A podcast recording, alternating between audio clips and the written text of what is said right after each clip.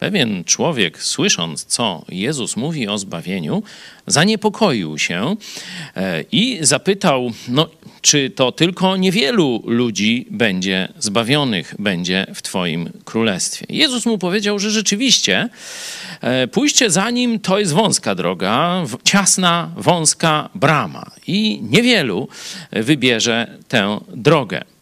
Ale potem powiedział o pewnej kategorii ludzi, e, to jest e, Ewangelia Łukasza, 13 e, rozdział, 26 werset.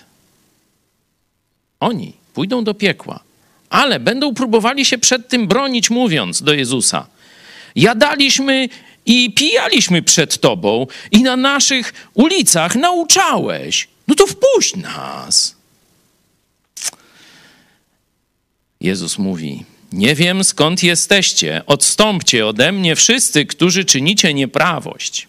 Oni byli w bliskim otoczeniu Jezusa, słuchali Jezusa. Dzisiaj można by to zastosować do ludzi, którzy są nawet w biblijnych kościołach, ale są tylko zewnętrznie.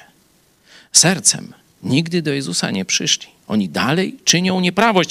Bardzo podobną myśl, jeszcze jaśniej, Jezus pokazał w trzecim rozdziale Ewangelii Jana mówiąc: Światłość, to jest trzeci rozdział, dziewiętnasty werset. Światłość przyszła na świat, lecz ludzie bardziej umiłowali ciemność, bo ich uczynki były złe. Każdy bowiem, kto źle czyni, nienawidzi światłości i nie zbliża się do światłości.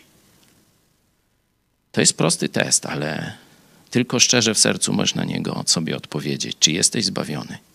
Bo efektem tego powinna być nienawiść do zła. Nie, że będziesz od razu bezgrzeszny, ale powinieneś doświadczać, czuć, mieć w sercu i umyśle odrazę do zła.